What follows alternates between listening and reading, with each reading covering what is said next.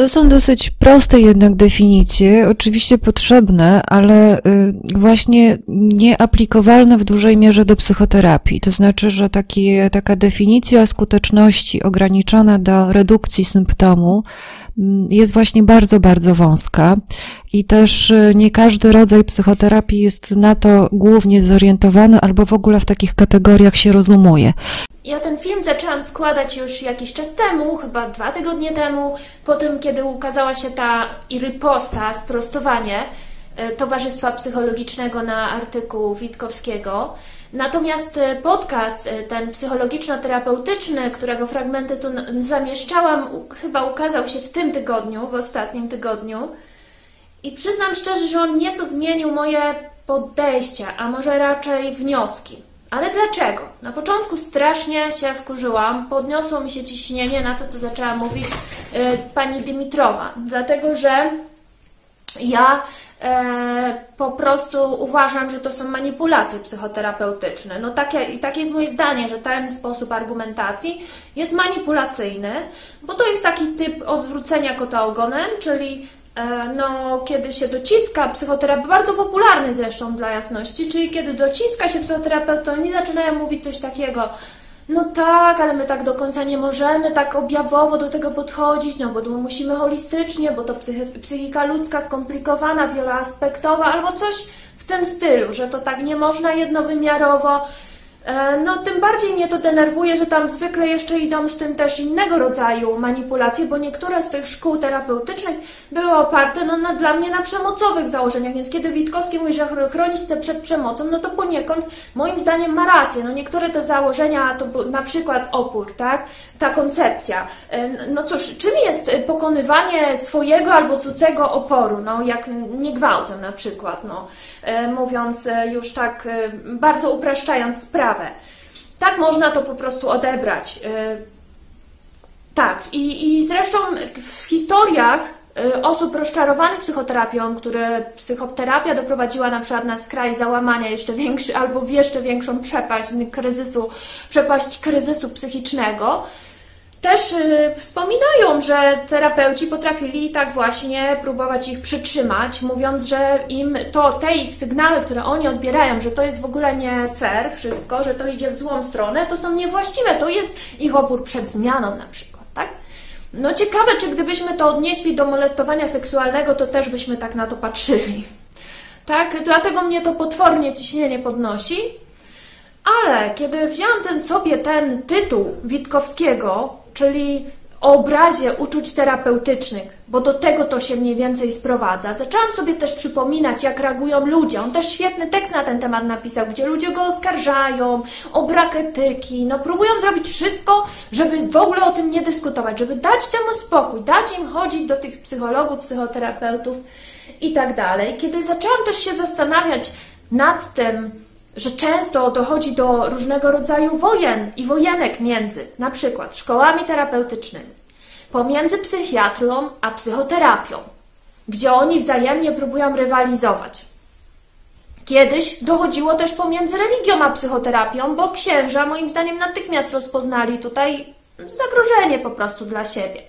Natomiast później oni zwykle zaadoptowali to, zaadoptowali i zaczęli prowadzić samodzielnie obok konfesjonału na przykład jeszcze tego typu właśnie praktyki. No ale mamy na przykład wojenki też i szczerą nienawiść właśnie psychoterapeutów do coachów wszelkiej maści, lewicy też do coachów, no bo to się im kojarzy z samodoskonaleniem y, pod kątem efektywności zawodowej i w, w, z takim powiedzeniem weź sprawy w swoje ręce, no więc mm, tutaj też, ale to na razie nie wnika, mówię o płaszczyźnie tej całej branży psycho.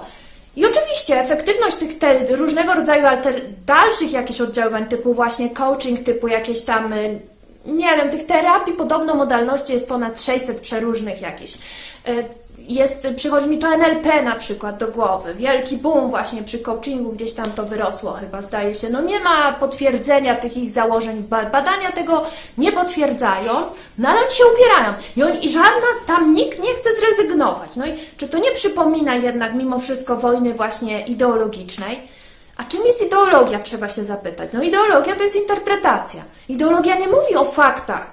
Ideologia mówi człowiekowi, w jaki sposób ma interpretować. Tylko, że ideologie, które my na przykład wyznajemy jakby w polityce, którym się kierujemy, bo to też złe słowo, w polityce, no to one dotyczą interpretacji wydarzeń społecznych. Wydarzenie społeczne, no to na przykład wzrost podatków, obniżka podatków, mieszkalnictwo społeczne, mieszkalnictwo prywatne i tak dalej. To są fakty. Natomiast interpretacja, no to już mówi, czy to jest dobre, czy to jest złe. Dlaczego to jest dobre, dlaczego to jest złe. No i teraz wydaje mi się, że to jest tak, że ludzie po prostu tak bardzo chcą, żeby utrzymać te różne nurty i żeby je traktować poważnie, no bo to jest taka interpretacja tylko prywatna.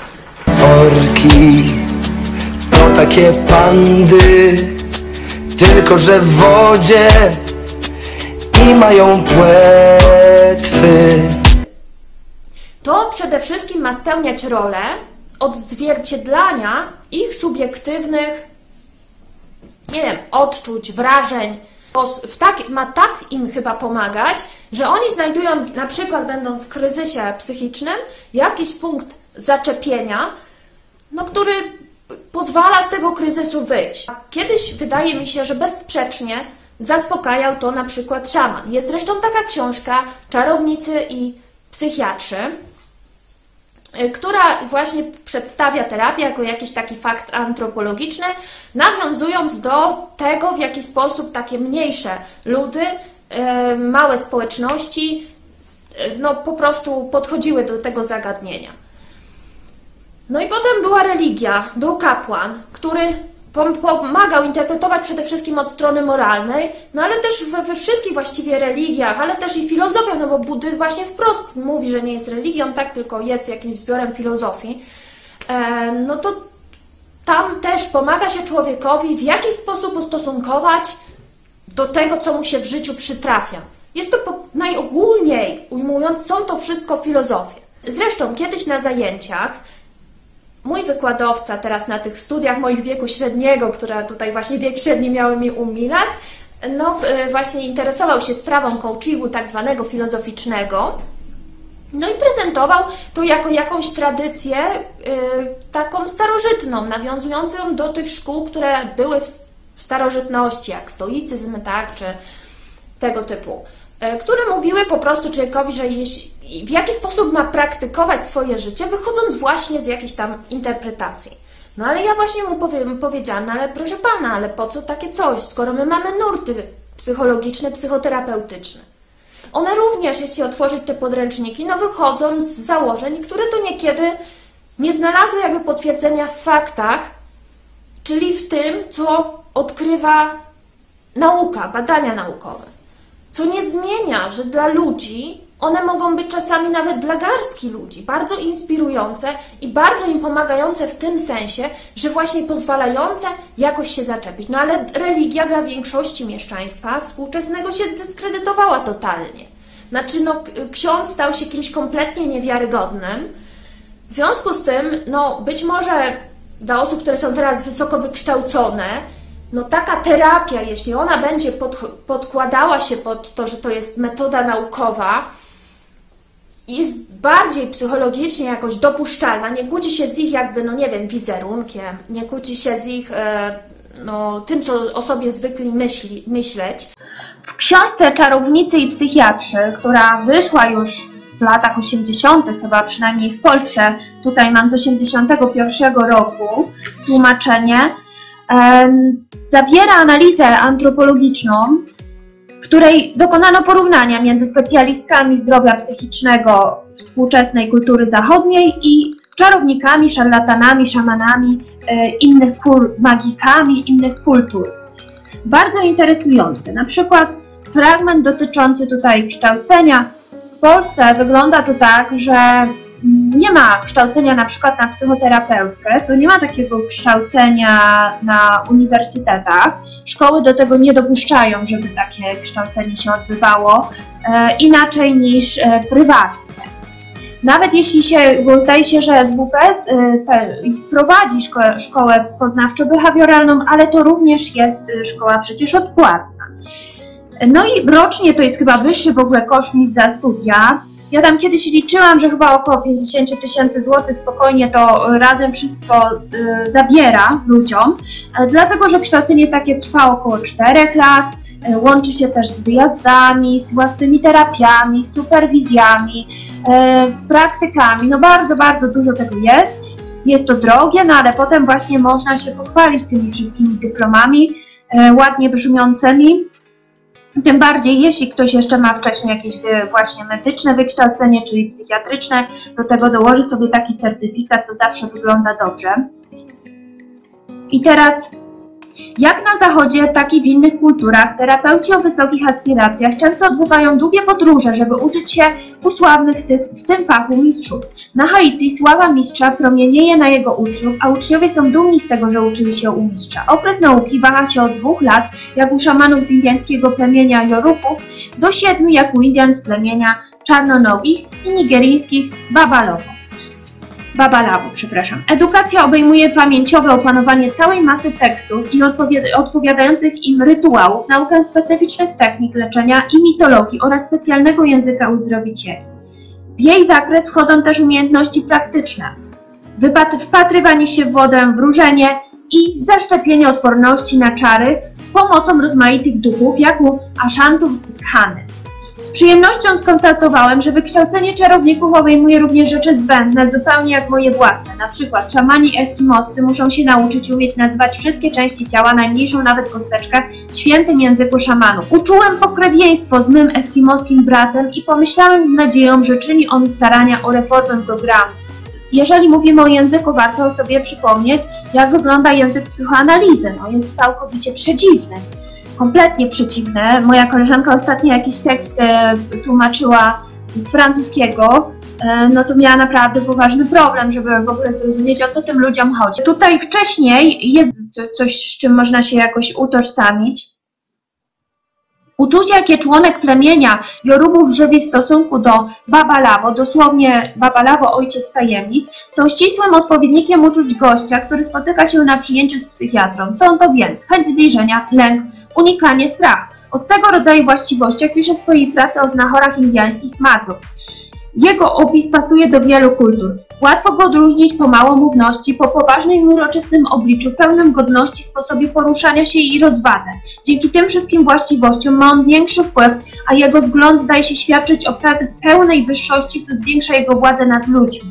No właśnie, to jest też tak, że w niektórych tych modalnościach właśnie terapeutycznych to psycholog na przykład, nie wiem, kiedy spotkał e, na ulicy człowieka, no to tak nie mógł normalnie na przykład zagadać, no bo to już by było jakieś przekroczenie granicy, e, tylko ewentualnie, e, nie wiem, nawet czy niektórzy dzień dobry nie mówili, bo też chyba o, tak, o czymś takim słyszałam kiedyś, no ale ewentualnie dzień dobry i tylko udawanie, że się tej osoby nie zna, no i oczywiście w każdym, w każdym praktycznie tym systemie terapeutycznym, no to właśnie mm, ten specjalistka, specjalista się wciela w tako, takie lustro, więc nie odzywa się, e, no, y, robi tajemniczą minę. Y, wtedy mamy to poczucie właśnie tej e, głębi. Ale jeżeli weźmiemy na przykład te badania, które niby były z psychologii społecznej, ja już mówię niby, bo w tym momencie to ja już nie ufam w żadne, w żadny, żaden aspekt mojej wiedzy dotychczasowej, szczególnie właśnie po tych porażkach psychologii społecznej. To są badania z, popularne bardzo. Znowu pomylę nazwisko, facet na C, e, z, jeden z najbardziej znanych psychologów społecznych, o regule jakby tego zaangażowania, no, że jeśli i konsekwencji, jeśli poświęcimy na coś dużo czasu, dużo pieniędzy, e, no, no to, ale nawet jeśli mieliśmy silną determinację, podtrzymywaliśmy motywację i tak dalej do działania w danym obsz- obszarze, no to chcę, robimy potem wszystko, że nawet jeśli dochodzą sprzeczne informacje, no to żeby podtrzymać jednak to zaangażowanie. No i trochę tak mi się wydaje właśnie od drugiej strony działa, działa całe to szkolenie właśnie psychologiczne, psychoterapeutyczne. I oczywiście z, z perspektywy politycznej jest na to bardzo, e, bardzo prosta rada. E, Wystarczy te zawody pootwierać i e, wystarczy wesprzeć sztuczną inteligencję właśnie, czyli informatyczne metody diagnozowania, szacowania samobójczych ewentualnych prób e, i tak dalej. Nawet e, też sztuczna inteligencja, jeżeli chodzi o terapię, też podobno całkiem sobie nieźle radzi. No i jakby samoistnie usuniemy faktycznych jakichś tam magików i zostaną, jeżeli chodzi o magię, zostaną tylko osoby najbardziej zdeterminowane, które, tak jak tutaj mówiłam, też są potrzebne, ponieważ psychologia, psychiatria nie odpowie na każdy problem, na każde pytanie, jakie może się pojawić. E, no nie wiem, na przykład e, wczoraj mignęło mi na jednej z grup e, właśnie związanych z e, osobami bliskimi chorujących e, psychiatrycznie, no takie właśnie pytanie, czy może egzorcyzmy, no bo no jakaś, no drama, no bardzo dużo osób chorujących w rodzinie. E, No i ja sobie tak, no właśnie, sobie pomyślałam, no tak, ale kto ma odpowiedzieć na to pytanie? Dlaczego to spotyka akurat tą osobę? Yy, No co powie psycholog na ten temat?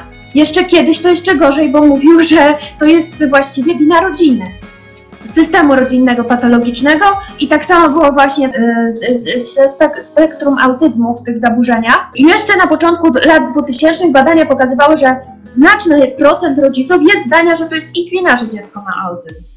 Więc no to dziękujemy za takie porady. No więc y, czarownicy i na pewno będą potrzebni dalej w tej kulturze. No grunt, żeby tutaj rozróżnić jedno od drugiego i ewentualnie zabezpieczyć osoby słabsze y, oraz prowadzić kampanie społeczne. Jeśli idziesz do e, czarownika, do szamana, e, to okej, on ci może właśnie pomóc rozwiązać twoje pytania o sens życia, o przeznaczenie itd., itd. No, ale też jednocześnie może nadużyć twojego zaufania. No niestety tak bywa.